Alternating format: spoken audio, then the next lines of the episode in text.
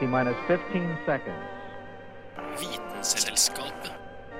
T minus 10, 9, 8, 7, 6. We have main engine start. 4, 3, 2, 1, and liftoff.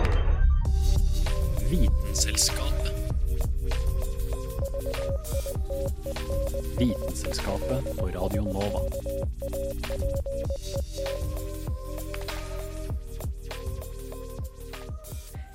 Det er utrolig, men sant. Dette her er en splitter ny sending av eh, Vitenselskapet.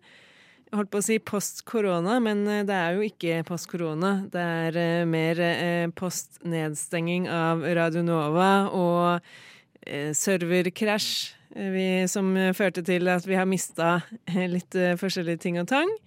Eh, studioene er endelig oppe og går igjen, og Vitenselskapet ruller i gang. Og det er mye som har skjedd, eller hva, Hanne? Eh, jo, ikke minst i vitenskapens verden, som jo er det vi bryr oss aller mest om her i Vitenselskapet. Vi bryr oss nesten utelukkende om vitenskapens verden. Bare vitenskap. Fra morgen til kveld. Så vi har jo da eh, sulta og tørsta etter å komme oss på radiobølgene igjen, eller DAB eh, Ja, bølgene, vi får bare si det sånn. Eh, slik at vi kan spre litt av vitenskapens nyheter. For det er det som er temaet for dagens sending. Det er eh, nemlig ting som har blitt oppdaga, ting som har blitt oppfunnet, og vi skal ta og grave lite grann i overflaten. Mitt navn er Kristin Grydland, og med meg i studio så har jeg Hanne Grydeland. Og du hører på Vitenselskapet. Radio nå. Apropos grave litt grann i overflaten, Hanne, så har du funnet en sak som eh, hvor man vanligvis bruker dyr som graver i overflaten. Kan vi ikke si det sånn? Vi eh, kan si det sånn. Eh, nå på høsten så er det jo soppsesong. Og eh, det er jo en veldig sånn spesiell sopp som heter trøfler. Som er en sånn delikatesse i mange land. Jeg tror de fleste vet hva trøfler er. De er jo vi, viden kjent. Ja, man vet hva en trøffel er, men man vet ikke at trøfler, i motsetning til vanlig sopp, de er på en måte fanget inni en sånn liten sånn pose. Hvor alle sporene er liksom fanget inni en kapsel, og så er de, for å få spredd seg, så er de avhengig av å bli spist av et dyr og på en måte bæsja ut et annet sted. Mens vanlig sopp, de på en måte spruter sporene sine ut i eh, skogen. Det er sant, det visste jeg ikke. Eh, og hva er det altså, Siden disse trøffelsporene er liksom samla i denne posen, da, så lukter de jo veldig, veldig sterkt. Det er så mange sporer. Eh, og hva er det som blir tiltrukket av lukt? Jo, Hunder. hunder. Og trøffelgriser er jo veldig kjent. Trøffelgriser er også en ting. Eh, men nå så, viser noe, eh, så har det kommet en ny studie som viser at det er ikke bare griser eller hunder som kan lete etter trøfler. Eller som kan finne trøfler, da. Det er også fugler. Fugler. Mm. Um, I eh, Patagonia, som er et område i eh, Sør-Amerika, eh, så har noen forskere fra Florida funnet De var egentlig på trøffeljakt, eller de skulle kartlegge trøflene i området. Og så var det en av forskerne, han gikk liksom og rota i jordlaget, da, for trøflene holder seg ofte litt sånn under blader og i det øverste jordlaget.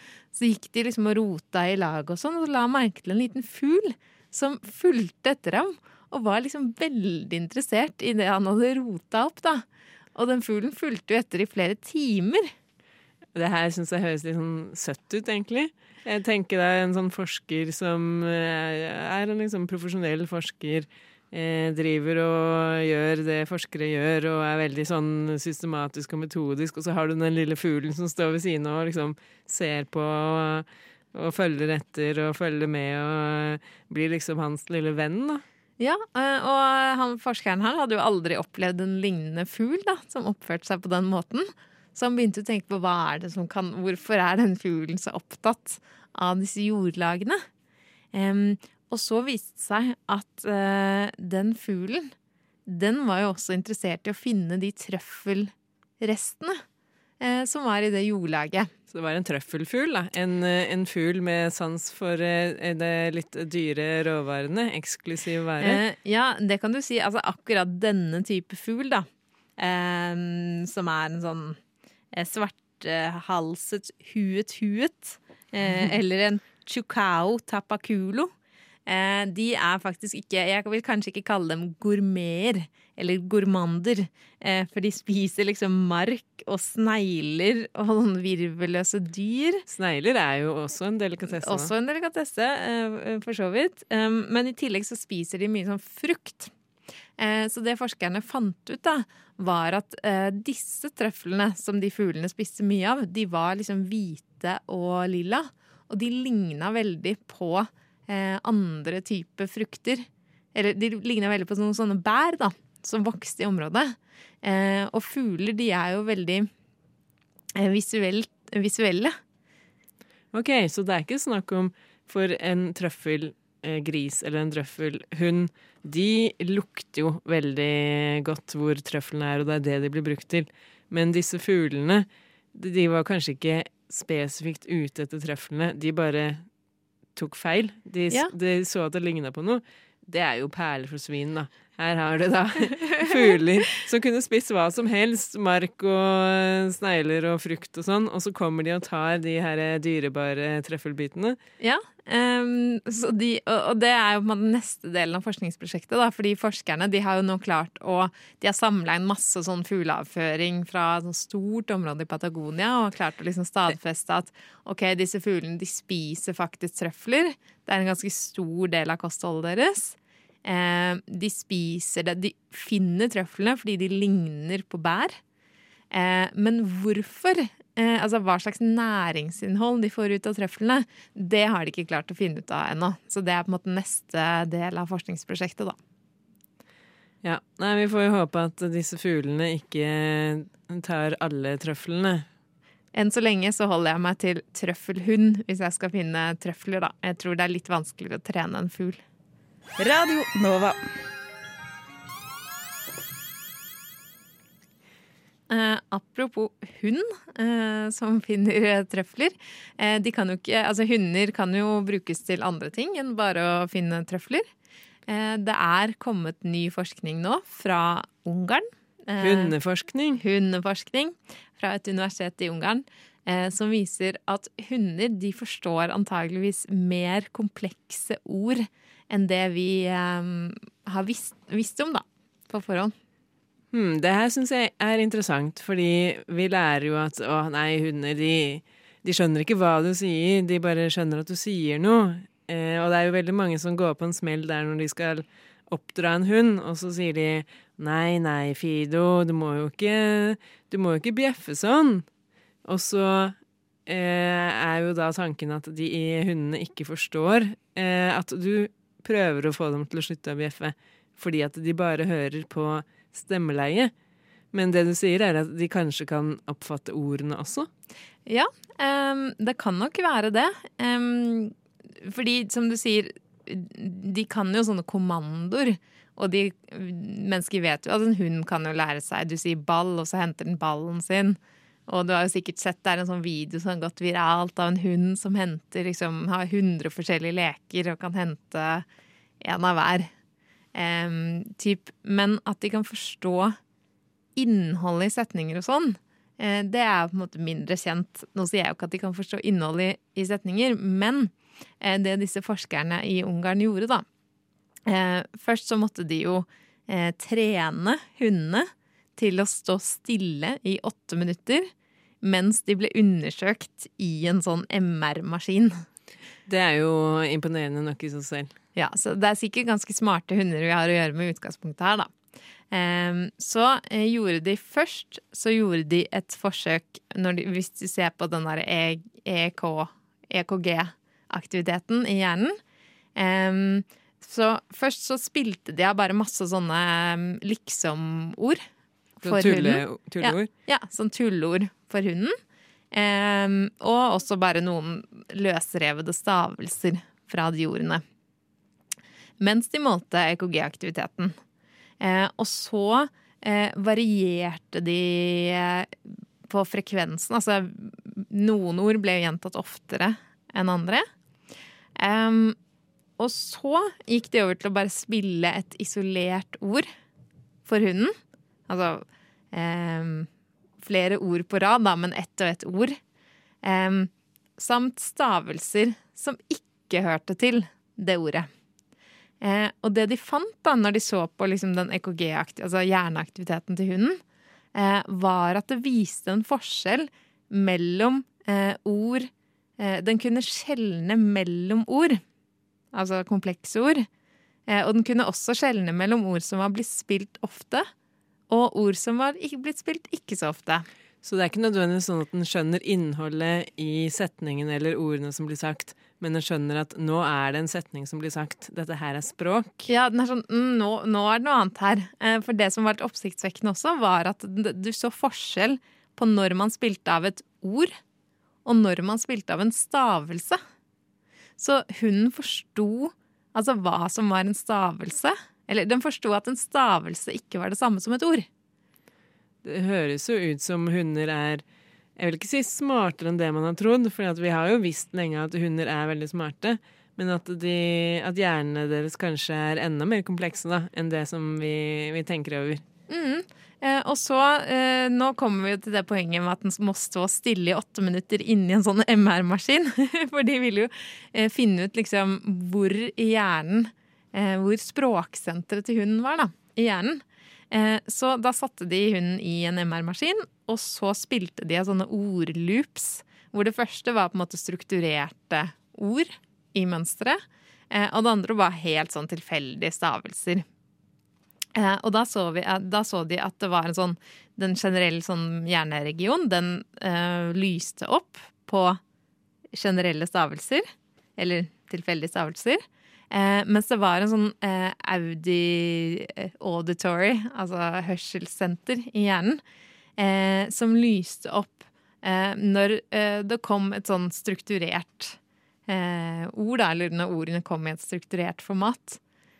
Så åpenbart så har jo hunden Altså menneskets på en måte, språksenter er litt sånn overlappende med hunden sitt, da. Vi er likere enn vi, vi visste.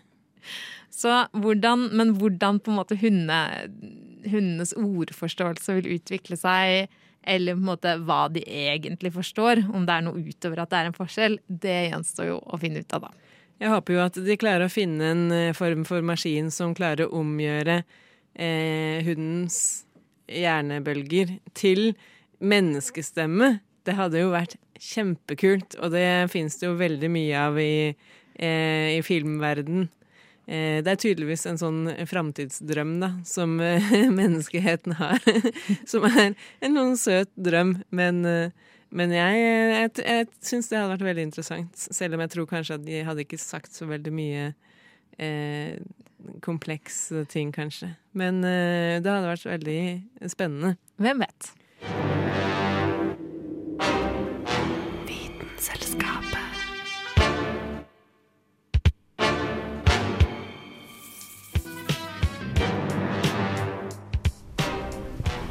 Hundeforskning er jo viktig forskning, for all del. Eh, vi kan jo ikke si noe annet. Eh, Men det fins jo noe forskning som kanskje er hva skal vi si, litt viktigere for eh, menneskeheten. Og de som har veldig, veldig viktig forskning, de vinner jo ofte en nobelpris. Eh, og Anna Vike Rødseth, vår kollega her i Vitenselskapet, hun har laga en sak om den som vant, eller de som vant, Nobelprisen i fysiologi og medisin. Eh, og de heter David Julius og Ardem Pataputian.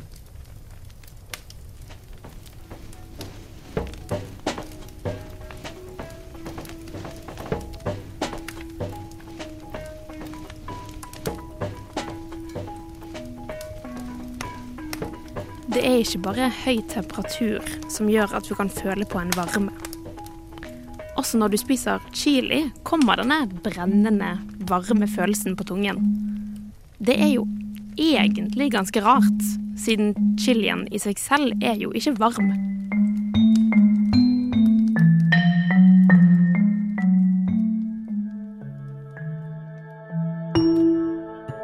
Seinere så fant man ut at det var faktisk et bestemt stoff inni chilien som setter seg på en sensor, eller reseptor, som er på tungen.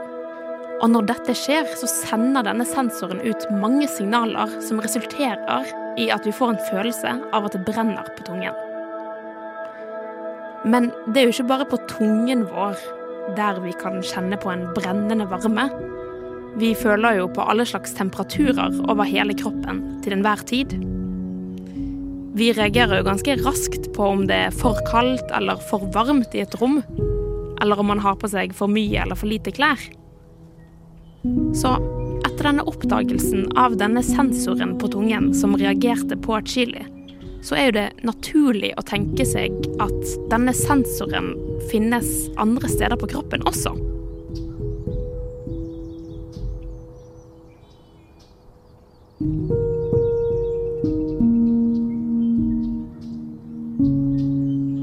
Og ja, dette viste seg å være riktig. I tillegg til å finne en lignende sensor som reagerer på varme, fant man også de sensorene som reagerer på kulde, og alle andre temperaturer imellom. Det har nemlig vært lenge et mysterium om hvordan vi mennesker klarer å sanse ulike temperaturer. Varmen eller kulden må jo først gjøres om til elektriske signaler, eller nerveimpulser, da, som så sendes til hjernen. Forsøkene med chili banet vei og viste at det faktisk fantes en hel familie av proteiner som reagerer på kulde, varme og berøring. Og dette har gitt ringvirkninger i mange andre fagfelt, og ikke bare sansefysiologien. Det er nemlig sånn at vi er utstyrt med disse mikrosensorene nesten over hele kroppen vår. Og det at vi er utstyrt med disse sensorene over hele kroppen, gjør det også mulig å utvikle legemidler som kan treffe enda mer spesifikt. For eksempel, det er jo ikke noe vanskelig å bedøve hele kroppen eller deler av den i dag. Utfordringen derimot er å utvikle legemidler som treffer enda mer spesifikt. Som f.eks. disse sensorene, da, sånn at vi beholder resten av sanseapparatet på.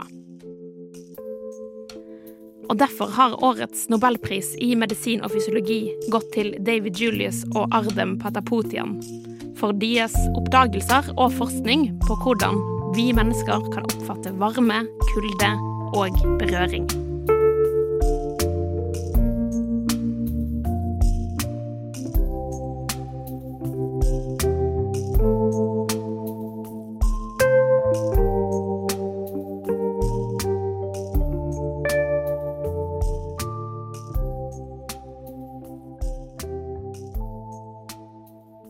Jeg vil si Det er jo en ting som går igjen når vi har sending sammen, Hanne. Og det er jo eh, gjerne noen temaer eh, som dukker opp igjen. Et, et tema. Et, et tema, egentlig. Eh, og det er eh, dyresaker. Det blir nesten alltid dyresaker. Vi er tydeligvis veldig glad i dyr. Det er det mest engasjerende. Det, de er jo i hvert fall eh, Altså, det er så mye forskjellig man kan si, da. Og det er så mye som blir utvikla. Eh, og akkurat nå så er det et uh, forskningsprosjekt som har tatt uh, for seg uh, geiter.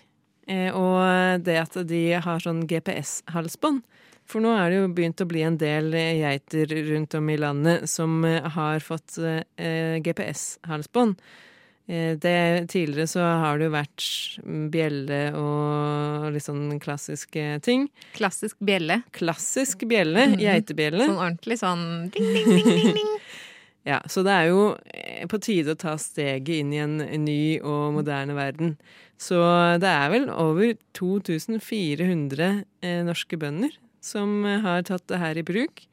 Og det som er kjekt med disse GPS-halsbåndene, eller klaver da, som det heter, eh, det er at de ikke bare kan bøndene se hvor de er, bare ved å bruke et nettbrett og få rask oversikt over hvor geitene er, men eh, man kan også ha et sånt no fence-system, eh, hvor istedenfor å sette opp gjerder og bruke masse tid og krefter og penger og, og, arbeid på det, så kan man, litt sånn som når man eh, ja, kanskje lager eh, Programmerer inn for robotstøvsugere og, og sånne ting. Det er iallfall det jeg tror at man gjør. Jeg har ikke robotstøvsuger selv, men jeg har hørt at det er sånn man gjør. Du setter noen digitale grenser. Ja. Eh, Litt på samme måte. Eh, Du definerer noen digitale grenser som eh, man ikke kan se, men som gjør at geita ikke kan krysse den linja uten at halsbåndet begynner å pipe. Så for, for det første så får jo bonden beskjed oi, oi, oi, nå er det geit på villspor. Eh, men geita får også en liten beskjed ved at det, det gir fra seg et pip. Og etter hvert som den bare fortsetter å gå, så piper det høyere og høyere. Og til slutt, hvis den ikke har tenkt å snu, så får den et lite elektrisk støt. Og det er for å lære den da at eh, her er det egentlig en grense, og den grensa skal du ikke krysse. Ok, men fordi her ser jeg jo for meg at hunder enkelt kan lære seg det her, men klarer geiter å forstå mønsteret, altså sammenhengen mellom lyd og støt? Geiter er jo overraskende smarte, og det som har vist seg, da, er at ikke bare forstår geita at Oi, hvis jeg fortsetter å gå og, og lyden blir høyere og høyere, så kommer det til å komme et støt, og, og, og jeg må gå- gå tilbake. Men eh, de, det viser seg jo at eh, iallfall noen geiter er såpass smarte at eh, noen ganger så vil de ha på en måte gresset som er på den andre sida av grensa. Du veit jo hvordan det er. Gresset er alltid grønnere på den andre sida av eh, det eh, digitale gjerdet. Så det den gjør, er at den går liksom litt over og spiser, og så etter hvert så blir jo pipelyden høyere, og så går den tilbake rett før den får det støtet. Sånn at den, den tester grensene. Den lurer systemet. Den lurer systemet. Eh, så de er jo veldig, veldig smarte dyr, geiter. Eh, men de har testa det på andre dyr også, sauer og, og kuer og sånn. Eh, sauer de er jo kanskje litt mer skvettende. De har et annet lynne enn geiter, så enn så lenge så er det på en måte geiter som er mest utbredt, da. Og det det her har ført til, er egentlig en litt annen eh, hus, type husdyrhold enn det som man har tidligere. For det, jo, det er jo veldig ressurskrevende å sette på et gjerde. Men det de forskerne har funnet ut, er at med den nye teknologien så har det blitt litt mer vanlig for bønder å kunne ha geiter ved siden av annen drift, så de trenger ikke å bruke så mye ressurser på det. For geitene går jo rundt og, og innafor sitt digitale gjerde, så lenge det er dekning, da, selvfølgelig. Det er de jo litt avhengig av. Eh, Så går de rundt og er ganske innafor sitt område, og bøndene kan ha kontroll på dem til enhver tid, for det er bare å flikke opp nettbrettet, så ser du nøyaktig hvor de er.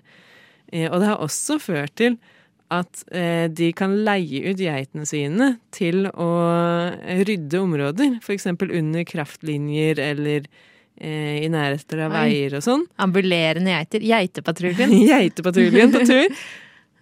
Så eh, det blir jo spennende å følge med på. Kanskje vi får rydda landet litt eh, ved hjelp av geiter. De er jo i hvert fall søtere enn sånne eh, robotgressklippere. Du lytter til Radio Nova.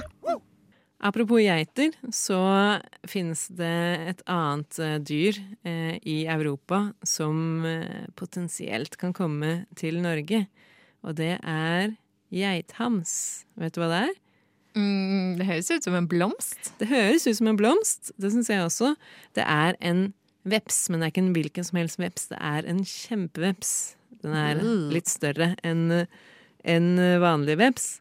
Eh, og det fins jo allerede europeisk geithams. Men eh, det som eh, forskerne er redde for nå, er at, eh, det, at det skal komme to typer asiatiske geithamser, eller kjempeveps, til Norge.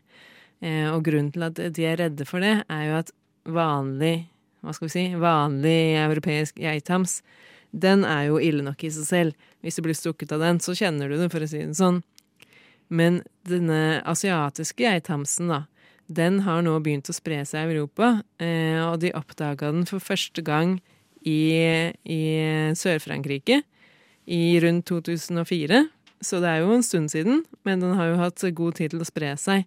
Og det jeg syntes var interessant, var at det, antageligvis så er hele den europeiske populasjonen av asiatisk geithams Det kommer fra én dronning som da har eh, Stått på. stått på, og som kom til Sør-Frankrike på et lasteskip fra Kina. Så litt sånn som pesten kom på et lasteskip eh, Til Bjørgvin. til Bjørgvin, kanskje uten sammenligning for øvrig, så var det da en eh, asiatisk geithams som kom til Europa, og nå har bare spredd seg videre. Og grunnen til at det er en litt sånn negativ ting, det er jo ikke bare det at det er en fremmed art, men den er en trussel mot eh, andre typer veps og, og bier, ville bier, men også honningbier. Eh, og birøkternæringen er jo selvfølgelig eh, redde for at det her skal spre seg. Enn så lenge så har de faktisk ikke oppdaga noen eh, asiatiske geithamser i Norge. Men eh, med tanke på hvordan den her sprer seg, så er det ikke usannsynlig at den kommer til å komme hit. Og helt sånn rent klimatisk så er det fullt mulig at den asiatiske geithamsen kan komme. Men hvorfor er de så farlige for den norske faunaen, da? Det er jo fordi at de er ikke så veldig snille, sånn at eh, selv om de ikke nødvendigvis går etter f.eks. mennesker, så går de jo etter bier og veps og rett og slett eh, dreper dem og spiser dem. Eh, det samme gjør en veps som er enda verre. Ja, det blir bare verre og verre. Det er en mandarinveps eller en kjempeveps fra Japan.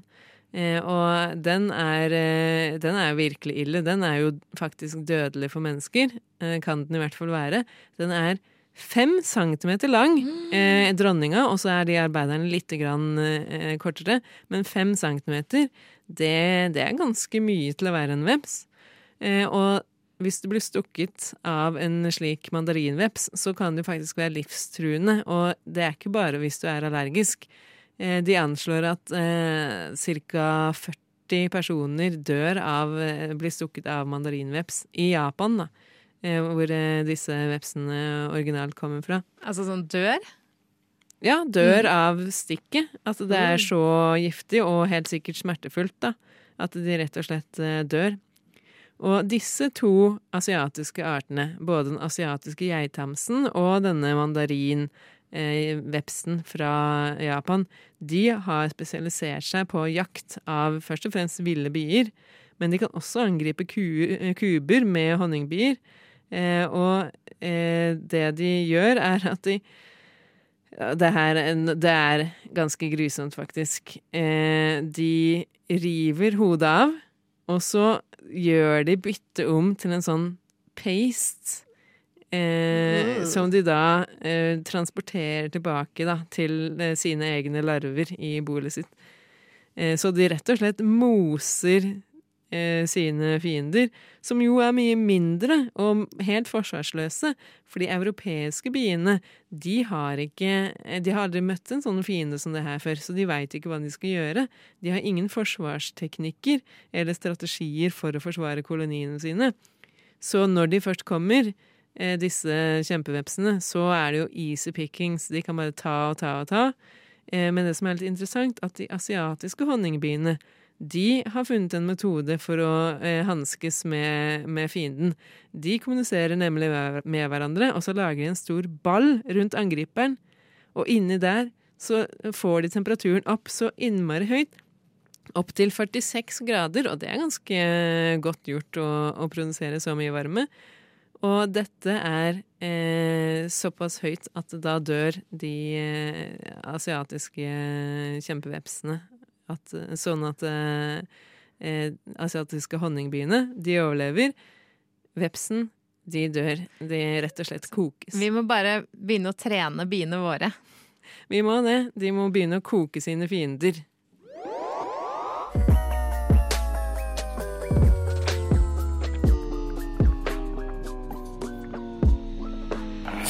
Vitenselskapet.